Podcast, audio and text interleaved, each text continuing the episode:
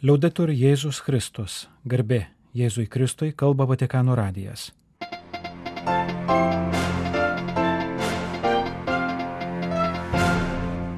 Malonus klausytojai šioje programoje. Sekmadienio vidudienio maldos susitikime popiežius klausė, ko labiau bijome - nebūti madingais ar neiškelti Evangelijos į pirmą vietą. Pranciškus paminėjo žiaurius įvykius Hondūro moterų kalėjime, meldė už Ukrainą ir už prieš 40 metų dingusios Vatikano tarnautojo dukters šeimą. Betifikacija pietų Italijoje. Organizacija Gelbėkit vaikus perspėja apie dvigubą skurdo ir klimato kaitos grėsmę. Įvykių Lietuvoje apžvalga.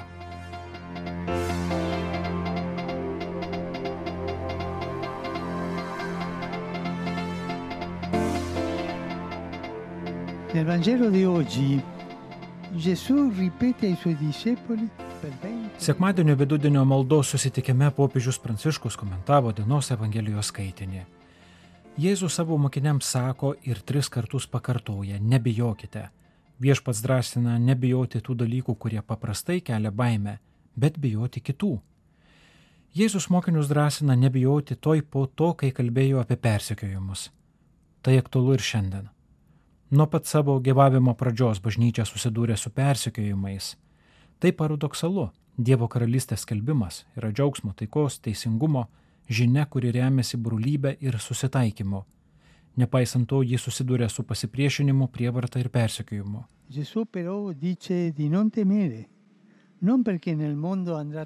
O Jėzus ragina nebijoti.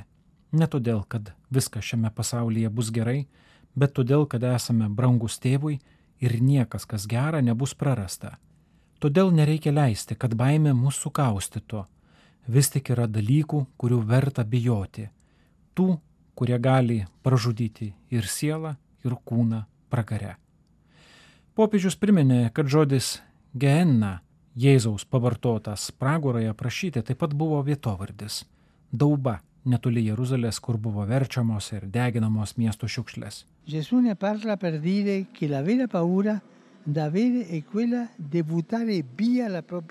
Štai ko iš tiesų turime bijoti - išmesti į savartyną savo gyvenimą. To bijokite, sako Jėzus. Reikia bijoti, ne tiek patirti nesusipratimo ir kritikos, prarasti prestižą ir ekonominę naudą dėl ištikimybės Evangelijai, kiek išvaistyti savo egzistenciją siekiant nereikšmingų dalykų, kurie nepripildo gyvenimo prasme. Tai svarbu ir mums, nes ir šiandien galime sulaukti pašaipų ar diskriminacijos, jei nesilaikome tam tikrų madingų modelių, kurie dažnai į pirmą vietą iškelia antrailius dalykus - daiktus, o ne žmonės, našumą, o ne santykius. Pagalvokime apie tėvus, kurie turi dirbti, kad išlaikytų šeimą, bet jie negali gyventi vien dėl darbo, jiems reikia laiko būti su vaikais. Pagalvokime apie kunigą ar vienuolį. Jie turi būti atsidavę savo tarnystėj, bet neturi pamiršti skirti laiko Jėzui, nes kitaip su pasaulės ir praras savo gyvenimo prasme.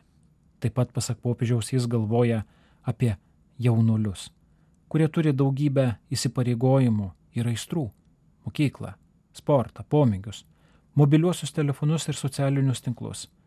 Tačiau jiems taip pat reikia susitikti su kitais žmonėmis ir įgyvendinti savo didžiasias svajones, neprarandant laiko dalykams, kurie praeina ir nepalieka pėtsako. Visa tai reiškia, kad turime atsitraukti nuo efektyvumo ir vartotojiškumo stabų. Tai būtina, kad nepasimestume dalykuose, kurie bus išmesti į geną, į savartyną. Tuo tarpu šiandienos šiukšlynuose dažnai atsiduria žmonės, su kuriais elgiamasi kaip su atliekomis, kaip su nebereikalingais daiktais. Taip, ištikimybė tam, kas svarbu, turi savo kainą. Kainuoja eiti prieš srovę, kainuoja išsilaisvinti iš paprastų mąstymo schemų ar būti pastumtam į šalį tų, kurie ant bangos. Tačiau tai nesvarbu, sako Jėzus. Tai, kas iš tiesų svarbu, neišmesti didžiausių gerio gyvenimo. Tik tai turi mus gazdinti. Tad paklauskime savęs, ko aš bijau. Neturėti to, kas man patinka, nepasiekti to, ką nustato visuomenė, kitų įvertinimo, ar to, kad nepatiksiu viešpaščiui ir neiškelsiu į pirmą vietą jo Evangelijos. Marija, išmintingoji mergelė, padėk mums būti išmintingais ir drąsiais savo pasirinkimuose, meldė popiežius Pranciškus. Angelus Dominus Ave Maria. et concepit de Spiritus Sancti. Ave Maria, gratia plena. Sukalbėjęs sekmadienio vidudienio maldą, popiežius Pranciškus paminėjo du epizodus. 46 gyvybės nusinešusi žiaurų susirėmimą moterų kalėjime Hondūre, įvykusi Birželio 20-ąją ir Vatikano tarnautojo dukters 15 metės Emanuelos Orlandi mislingo dingimo 40 metų sukakti. Dingimo aplinkybių tyrimas dar nebaigtas. Mi ha molto addolorato quanto è accaduto alcuni giorni fa nel centro penitenziario femminile di Tamara. Mane labai nuliūdino tai, kas prieš kelias dienas įvyko Tamara moterų įkalinimo centre Hondūre. Baisus smurtas tarp konkuruojančių gaujų pasėjo mirti ir kančias. Meldžiuosi už žuvusias, meldžiuosi ir už jų šeimas. Tegul Sijapos mergelė, Hondūro motina, padeda širdims atsiverti susitaikymui ir net kalėjimuose sudaryti sąlygas broliškam sugyvenimui, sakė popiežius. Šiomis dienomis sukanka 40 metų nuo Emanuelos Orlandi dingimo. Šią progą norėčiau dar kartą išreikšti savo artumą artimiesiems, ypač mamai, ir patikinti, kad už juos meldžiuosi. Prisimenu visas šeimas, kurios kenčia dėl dingusio brangaus žmogaus, pridūrė Pranciškus. Pasveikinęs įvairias piligrimų ir maldininkų grupės Šventojo Petro aikštėje, popiežius kaip visada prisiminė Ukrainą. implorare da Dio il dono della pace. E questo lo chiediamo specialmente per il martorato popolo ucraino. Melskime Dievo taikos dovanos, ypač iškankintiems Ukrainos žmonėms, atsisveikindama sakė popiežius Pranciškus.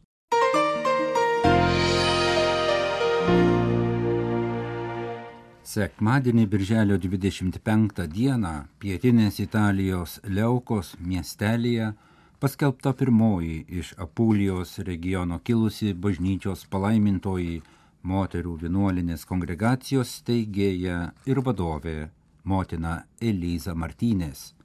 Beatifikacijos mišioms Leukos švenčiausiosios mergelės Marijos definibus terre bazilikos aikštėje kuri yra Italijos pusėsalio Kulno piečiausiame punkte tarp Adrijos ir Jonijos jūrų, vadovavo kardinolas Marcello Semeraro. Motina Elisa Martynės gimė 20-ojo amžiaus pradžioje Galatinoje Lečės provincijoje ir mirė Romoje po beveik 90 pasiaukojimo Dievo ir artimui metų, vykdydama viešpaties planus su atkakle krikščioniška viltimi ir didžią dvasišką meilę.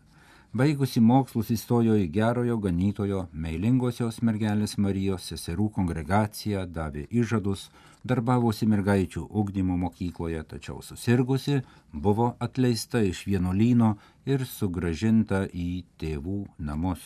Vietos vyskupui pritarus 1941 metais įsteigė naują vienuolinę Leukos švenčiausiosios mergelės Marijos dukterų kongregacija ir nubrėžė pagrindinės veiklos kryptis - paauglių formacija, vaikų ugdymas, vienišų motinų globa ir tarnystė parapijose. Steigėja įkūrė daug vienuolinių bendruomenių visoje Italijoje, Belgijoje ir Junktinėse Amerikos valstijose.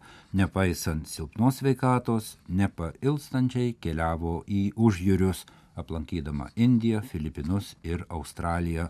Steigėjos aktyvizmą Vatikanui apskundė kai kurios vienuolės, tačiau popiežiai Pijus XI, Jonas XXIII, Paulius VI ir Jonas Paulius II drąsino motiną Elizą Martynės tęsti darbščią tarnystę.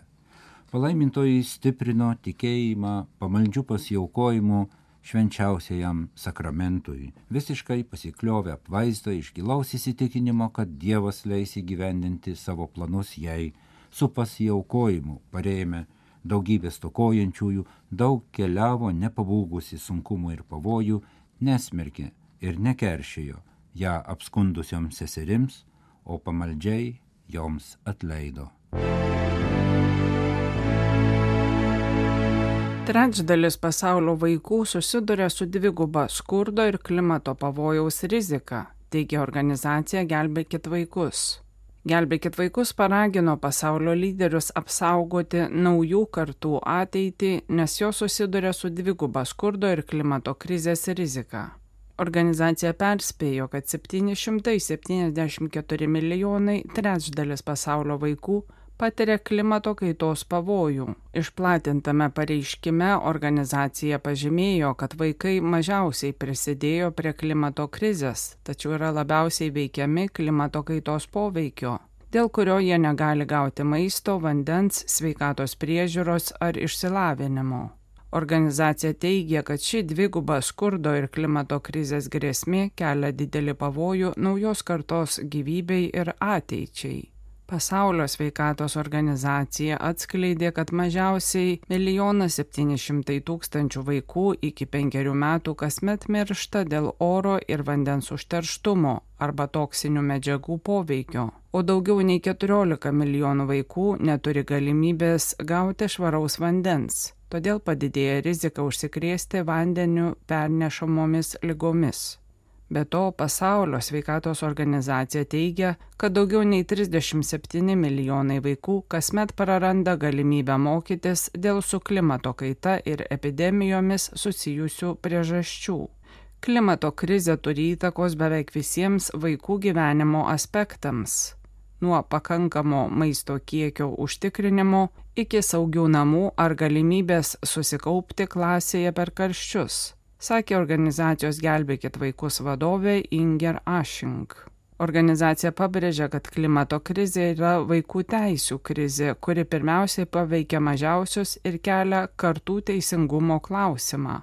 Būtent vaikai labiausiai nukenčia nuo neligybės, diskriminacijos ir klimato kaitos pasiekmių, sakė Inger Ashing. Atsižvelgdama į Bonoje prasidėjusias dėrybas dėl klimato ir rugsėjo mėnesį numatytą darnaus vystimosi tikslų statuso peržiūrą Junktinių tautų generalinėje asamblėjoje, Kelbėkit vaikus paragino įsiklausyti į vaikų poreikius, padidinti finansavimą ir imtis konkrečių veiksmų. Bonoje vyksta Junktinių tautų bendroji klimato kaitos konvencijos konferencija Tikimasi, kad jos metu šalis susitars dėl sėkmingo COP28 susitikimo gruodį. Inger Ashing teigia, kad gilėjant klimato kriziai pastaraisiais metais daugiau jaunų žmonių aktyviai siekia, kad teršėjai prisimtų atsakomybę. Jau daugelį metų matome, kaip vaikai ir jaunuoliai visame pasaulyje išeina į gatves, žygiuoja ir reikalauja, kad jų lyderiai imtųsi veiksmų kovoti su klimato krize, sakė organizacijos Gelbėkit vaikus vadovė. Kauno arkiviskupija birželio 20-24 dienomis jau dešimtąjį kartą pakvietė į miesto misijų savaitę. Per šias dienas kauniečiai ir miesto svečiai senamiščio kiemeliuose ir kavinėse galėjo klausytis įvairių muzikantų pasirodymų, tarp jų ir kunigo Erasto Murausko atliekamų savos kūrybos dainų bei liudijimo, bendrauti su misijų savaitės svečiais iš Junktinių valstijų ir Švedijos, o susitikime su kunigu Arturu Kazlausku aptarti knygų ir ypač Biblijos vietą krikščionių gyvenime. Kiekvienos dienos renginius užbaigdavo maldos vakarai Šventojo Jurgio bažnyčioje, o renginių kulminacija tapo arkiviskupijos globėjo Šventojo Jono Krikštytojo gimimo šventimas Birželio 24 dieną Kauno arkikatedroje bazilikoje. Misijų savaitės renginius organizavo Kauno arkiviskupijos kurija, misijų mokykla, misijų bendruomenė gyvybės medis ir tėvai redemptoristai.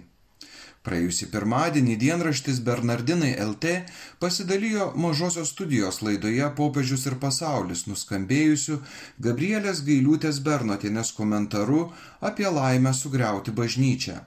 Jame jis svarsto krizės neseniai ištikusios Vilniaus arkiviskupiją pasiekmes ir galimas išeitis.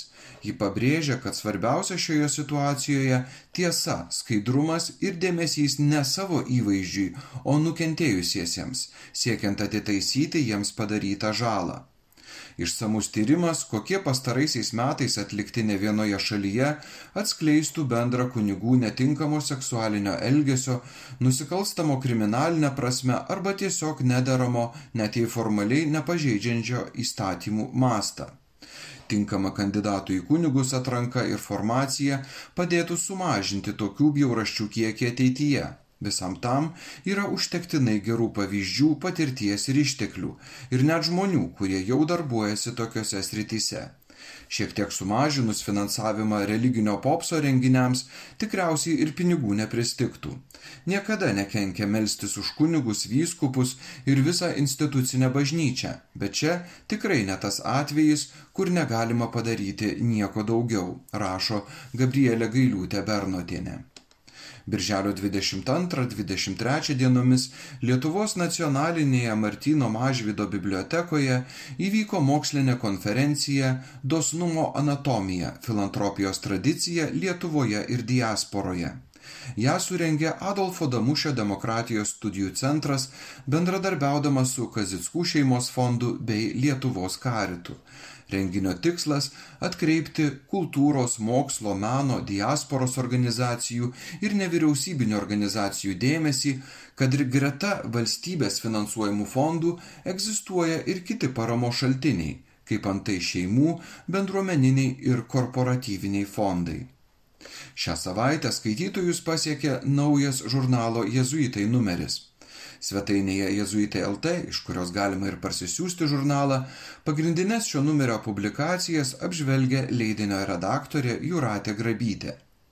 Pirmuosiuose žurnalo puslapiuose skaitytojai kviečiami susipažinti su naujojo Vilniaus Šventųjų Jonų bažnyčios altoriaus istorija, kuria savo homilijoje perskaitytoje šventinant altorių pasidalijo pats altoriaus kuriejas, popiežiškosios vokiečių ir vengrų kolegijos Romoje rektorius Gernatas Viseris.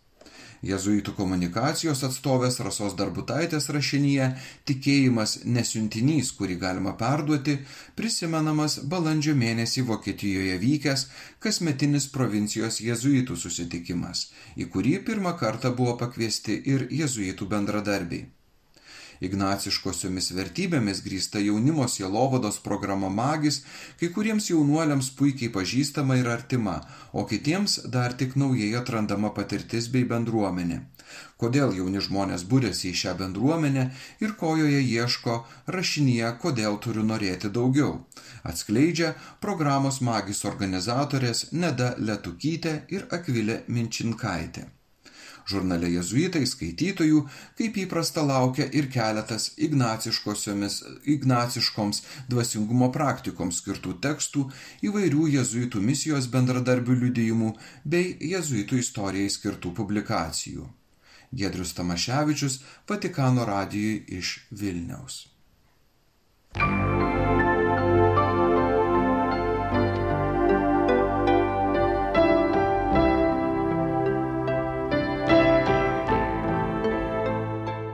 Malonus klausytojai laidą lietuvių kalba baigiame.